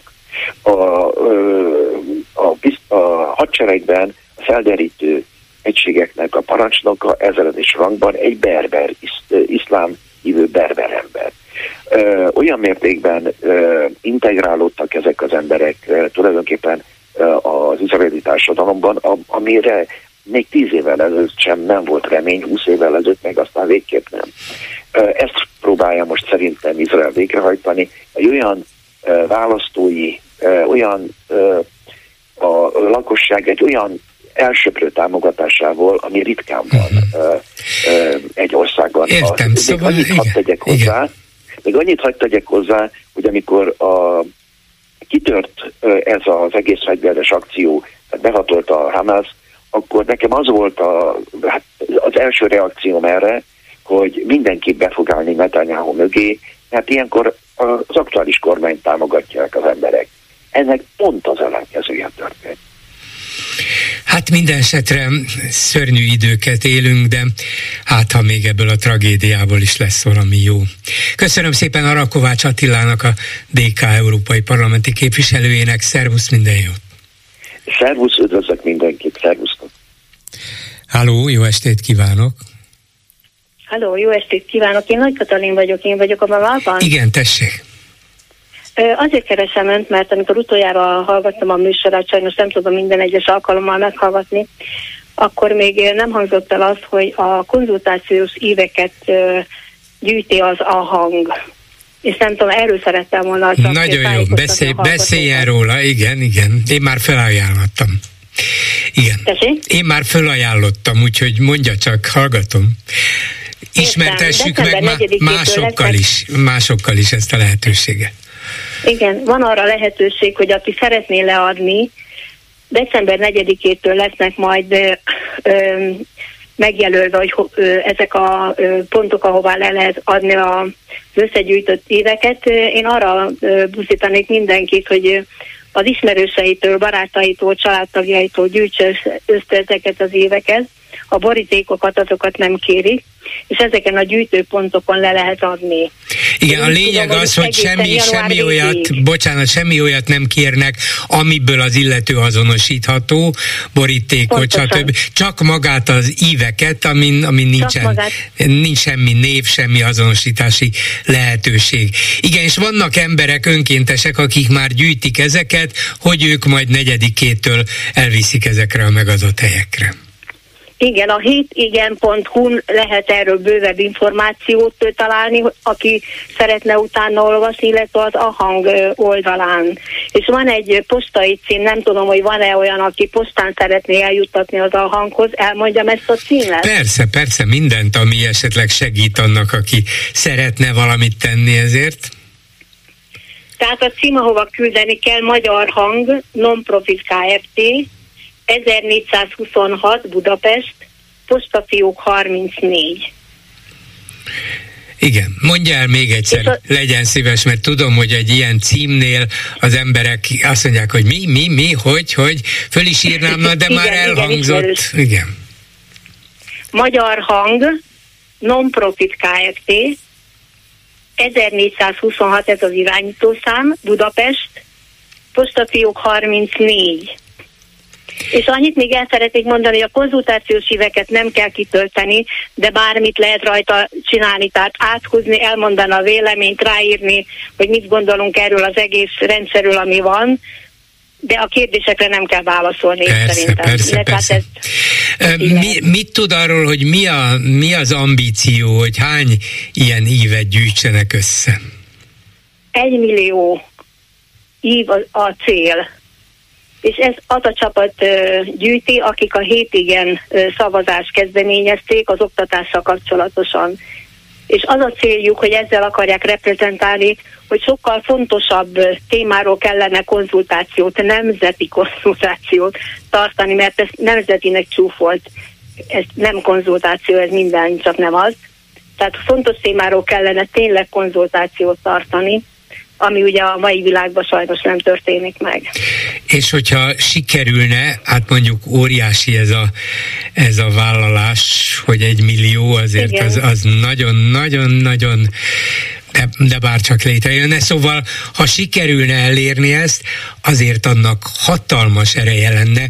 Minden egyes ilyen konzultáció alkalmából volt valami kísérlet arra, hogy kik hogyan gyűjtsék, milyen célból, mit, mire fordítsák, mi legyen vele, de hogyha összejönne egy millió ilyen év, akkor azt be lehetne bizonyítani, hogy hát mit akartok, ti itt azt állítjátok mindenféle kontroll nélkül már, mint kormány, hogy 1 millió 387 415 ember küldte vissza, és ezt senki soha nem tudja ellenőrizni. Nálunk meg itt van, megnézhető, jöhet Orbán Viktor is, 1 millió ilyen ív, amit az emberek úgy adtak oda, hogy tudják, hogy, hogy azért ezt nem nézi jó szemmel a kormány, és mégis nem veszélyt nem kell vállalni, meg fenyegetés nincsen, de mégis megteszik ezt az extra dolgot, hogy nem küldik vissza kapásból, ahogy a kormány várja, vagy nem töltik ki interneten azt a bizonyos ívet, mert azt is lehet,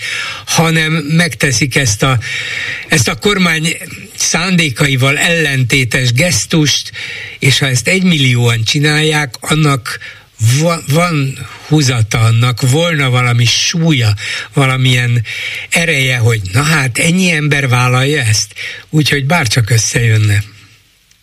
Igen, én szerintem itt az idő arra, hogy mindenki tegye meg azt, amit meg tud tenni. Tehát azt, hogy vegye a fáradtságot és az ismerősei körében kezdje el a gyűjtést, és ne csak tétlenül várjuk azt, hogy történjen valami csoda, és azt nem tudom, hogy az ön műsorában ezt nem lehetne minden egyes alkalommal propagálni, hogy ne dobják ki, gyűjtsük, gyűjtsük, gyűjtsük, és mutassuk meg, hogy igenis vagyunk annyian, hogy megmutassuk, hogy, hogy elégedetlen emberek tömege van ebben az országban, és akkor számszerűen is be tudnánk bizonyítani.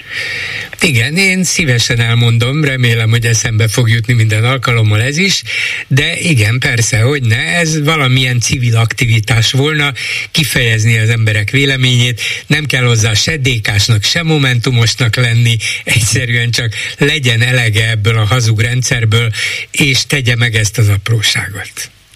És a magyar hangtól, vagy az hétigentől nem keresték még önt meg a műsorába, vagy esetleg nem tudná megkeresni őket ezzel kapcsolatban, hogy ők is elmondják, amit De én elmondtam, szív- mert szívesen, a nem én. Szívesen megkeresem őket persze, de akkor kivárnám azt a kezdőpontot, amikor már elkezdik gyűjteni, amik, amikor már valamiről be is tudnak számolni, hogy jé, eltelt 24 óra, és már itt van több tízezer, szóval igen, adni ennek egy lendületet, hogy nem?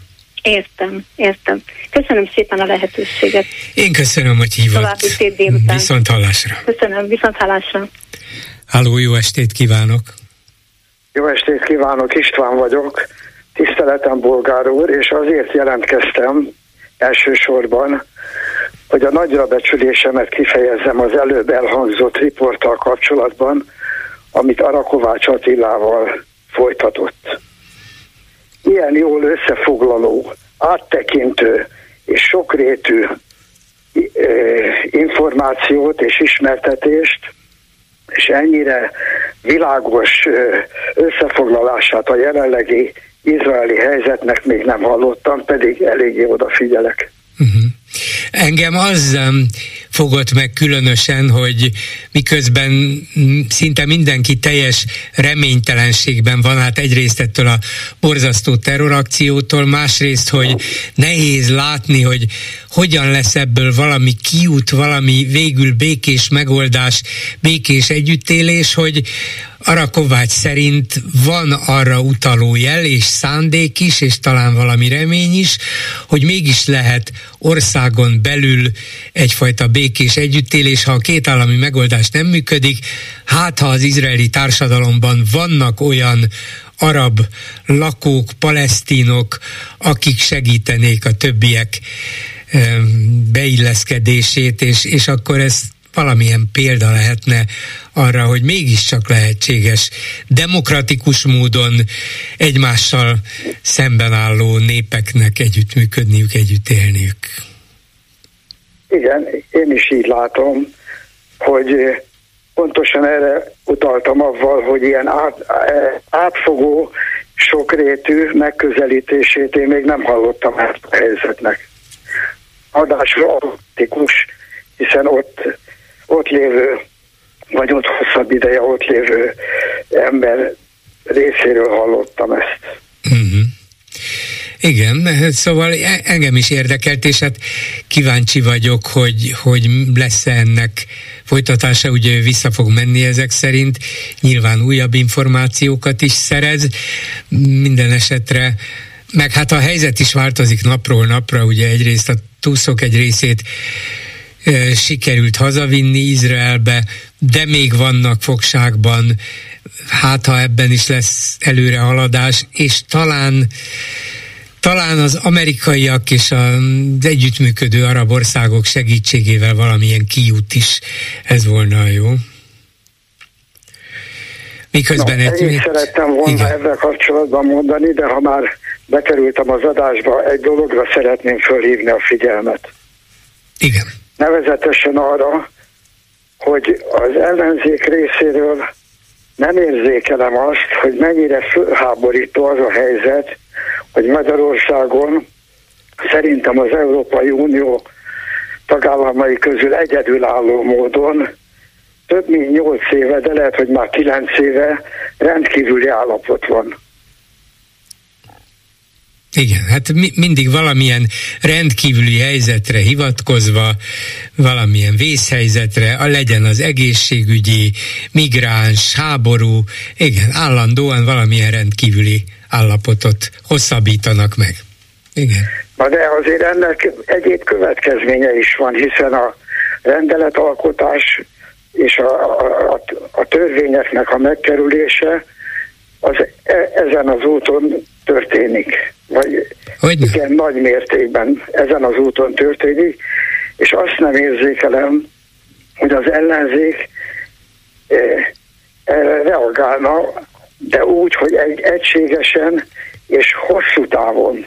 Tehát e, ez egy olyan téma, amit nem lehetne levenni a napirendről.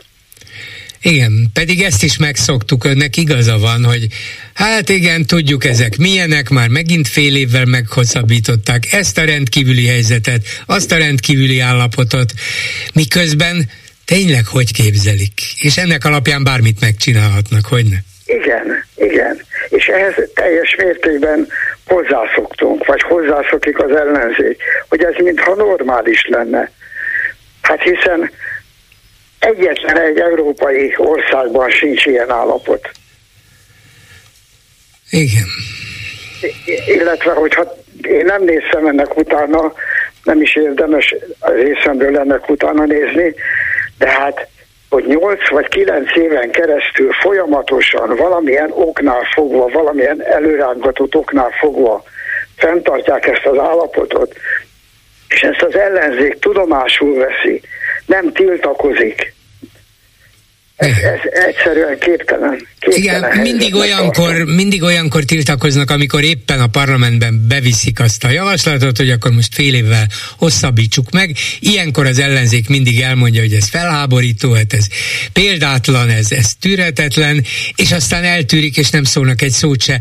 Engem még az is meglep ráadásul, hogy az Európai Unió, amelyik most már több mint egy éve folytatja a különböző tárgyalásokat, meg nyomásgyakorlást az Orbán kormányjal szemben, hogy tartsa tiszteletben a minimális demokratikus normákat, nem mondja azt, hogy jó, itt van a mi 27 mérföldkövünk, na de ez a legelső, vagy ez a mínusz egyes, hogy szüntesd meg a rendkívüli állapotot.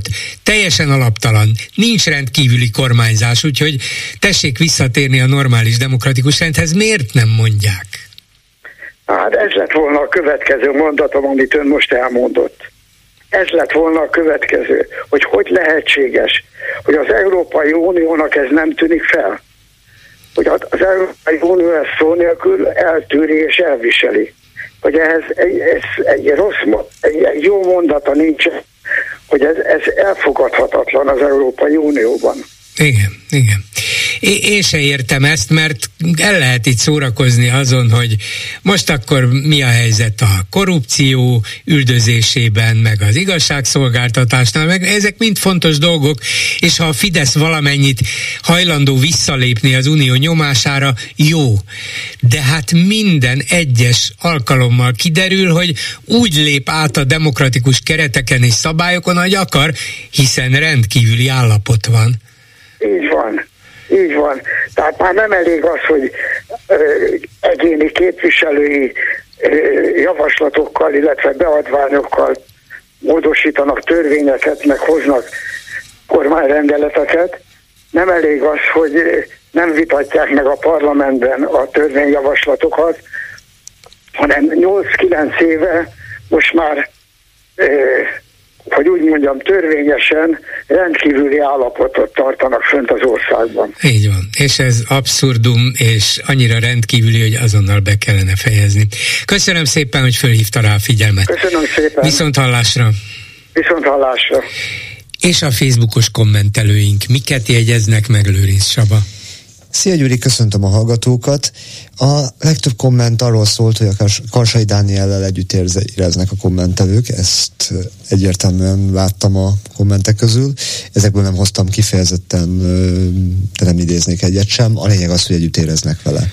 Hát igen, és bízzunk abban, hogy sikerül elérnie, amit akar és meg lehet majd Magyarországon is hozni szabadon az életvégi döntéseket. Ennél azért vidámabb témák is voltak, bár ugyanúgy bosszantó helyzetekről. Szijjártó vajon milyen parancsokat kapott Lavrovtól? Az első gondolom Ukrajna uniós csatlakozásának vétója, a második Ukrajna támogatásának vétója, de mi van a többivel? Én még pillanatnyilag magyarként helyettük szégyellem magam Európa előtt így az első. Én azt nem értem, hogy hát ezeket a parancsokat, vagy kéréseket, vagy akármiket bármilyen módon el tudják juttatni a, a magyar kormányhoz, Szijjártóhoz, Orbánhoz. Miért kell két hónaponként találkozni? Mi, mit akarnak ezzel mutatni? Lehet ebben valamiféle gesztusértékű dolog? Igen, mint hogyha megüzenné a szövetségeseinknek, hogy... Just is. Igen. Én akkor hát, is, mi akkor is. Ez, ez, ez már egy kicsit más színezet ad a dolognak. Megszületett a Meteorológiai Intézet. A propaganda mister csak így tudta garantálni a jó időt az állami ünnepekre. Terve vették a gravitáció törvényének felülvizsgálatát is, szerintem, írja a kommentelő, csökkenteni a, tenni a kerozinköltséget, egyelőre csak az újra megvett reptér felett. Igen, szóval nem értem, nem a reptér, reptér megvásárlását sem értem, hogy az országos meteorológiai szolgálatot miért kell megszüntetni, átalakítani, annó pedig miért kellett kirúgni ugye a hát, főigazgatót. Semmit se értek. Nem értem ezt az országot, illetve azt még értem, a kormány nem értem. Nekem az, a, az az elképzelésem van, hogy Orbán Viktor holnap egyszer csak azt mondja, holnaptól megengedem, hogy süssön a nap. Hát nem csak megengedi, hanem... Parancsolja? Ő parancsolja, hogy jöjjön föl. Ezt is el tudom képzelni, sajnos ennyi lett volna a komment szekció. Hát jól ki vagyunk mi segítve itt a kommentelőkkel. Köszönöm szépen. Ezzel a megbeszéljük mai műsora véget ért készítésében közreműködött Bencsik Gyula, Zsidai Péter, Lőrinc Csaba, Erdei Tünde, Simon Erika és Csorba László. Bolgár Györgyöt hallották, viszont hallásra a jövő héten. Most pedig jön az Esti Gyors. Esti gyors, a hírek háttere. Jó estét kívánok, Szénási Sándor vagyok. Egy hír és a háttere. Érdemes volna felébredni, a magyar új beszél nyelv csodálatos szóvirága nyílt ki a miniszterelnök reggeli rádiószózatában. Igaz, egy másik meg elhalálozott, de hát a nyelvvel ez már így van. Az elhunytat úgy hívják, hogy vétó. De ez már nincs, nem is volt, hangsúlyozta a beszélő Ukrajna uniós csatlakozása kapcsán. Közölte Magyarország soha nem vétóz, legfeljebb nem ért egyet. Az unió ugyebár egy közösség, amelynek egy döntést illetően közös álláspontja kell, hogy legyen. Ha viszont valaki ezzel az állásponttal nem ért egyet, az az álláspont értelemszerűen meg sem születik, hogy a döntésről már ne is beszéljünk. Mi nem ellene vagyunk a döntéseknek, csak nem értünk egyet a többi tagállammal, mondta a kormányfő, és aki ezt a logikát nem fogja fel, hanem viszont ezt halván percekig mered bénál a szemközti falra, hát az magára vessem. Olyasmi tehát, hogy vétó nincsen, közös álláspont van, kivéve ha nincs, mert ugocsa éppen non koronát, ilyen egyszerű. A kákán is csomó után matatók persze rögtön rámutatnak, hogy miután Kiev közölte, hogy változtatnak a magyarok számára előnytelen, mi több jogfosztó nyelvtörvényem. Orbánnak rögtön más indok után kellett néznie, hogy miért nem akarja az ukránok csatlakozását. Szerinte azért sem szabad ezt az ügyet napirendre tűzni, mert Ukrajnával kapcsolatban csupa megoldatlan kérdés mered elénk. Például nem tudjuk igazából mekkora az ország és a népessége. Nagyon más a jogrendje. Továbbá azt sem tudható, hogy mennyi pénzt kell a fejlesztésre költeni, és azt honnan veszik el. Csak nem tőlünk, hördül fel az ő kormányfőjét hallgató magyar, mire Orbán világosá teszi, hogy de. Ám azért van neki szíve. Legyen egy közös alap, mondja abban mindenki belecsurgat valamit, azt odaadjuk az ukránoknak, azt jó napot, a költségvetést meg hagyjuk békén. És igaza van, hogy így beszél. Az öt hallgatónak nem fog eszébe jutni, hogy ő speciál már most sem kap uniós pénzt, de nem az ukránok, hanem az ő vezére miatt, aki Brüsszelnek a jogállamisági kondicionalitási eljárás nevű varázslatát nem hajlandó végrehajtani, és amilyen hosszú és ronda névez, jobb, ha nem is teszi. A hallgató azon sem tűnődik el, hogy Ukrajna területe és népessége abszolút ismert, és az orosz agresszió ellen kiálló unió épp a területi sérthetetlenséget védi, akkor is a bizonyos országrészek orosz kézen vannak. Az pedig, hogy Ukrajnának más a jogrendje, abból is világos, hogy az uniós felzárkóztatás során Pontosan ezt kell megváltoztatni, enélkül nincs csatlakozás, és ezt Kiev el is fogadta. Ergo az Orbáni érvnek semmi értelme nincsen, de hát, mint már az előbb rámutattunk, nem is kell, hogy legyen. Az ő bálványát hallgató magyar legfeljebb azon mélázik el, hogy a nyugat már megint hazudott. Lám évekig súlykolták, hogy Orbán így vétózik meg, úgy tesz keresztbe a közösségnek, és tessék, kiderül, hogy ilyen szó, hogy vétó, nincs is. Mondhatni, Nyettatóva. Eltatosnaták erősíti meg őt gondolataiban egy valahonnan felzengő mondat, amit a magyar nem ért meg, de hát nagyon ismerősen hangzik, így megnyugszik, és kimondja az egyetlen szót, amit betanult ezen a nyelven. Da. Da, da, da. Esti gyors. A hírek háttere.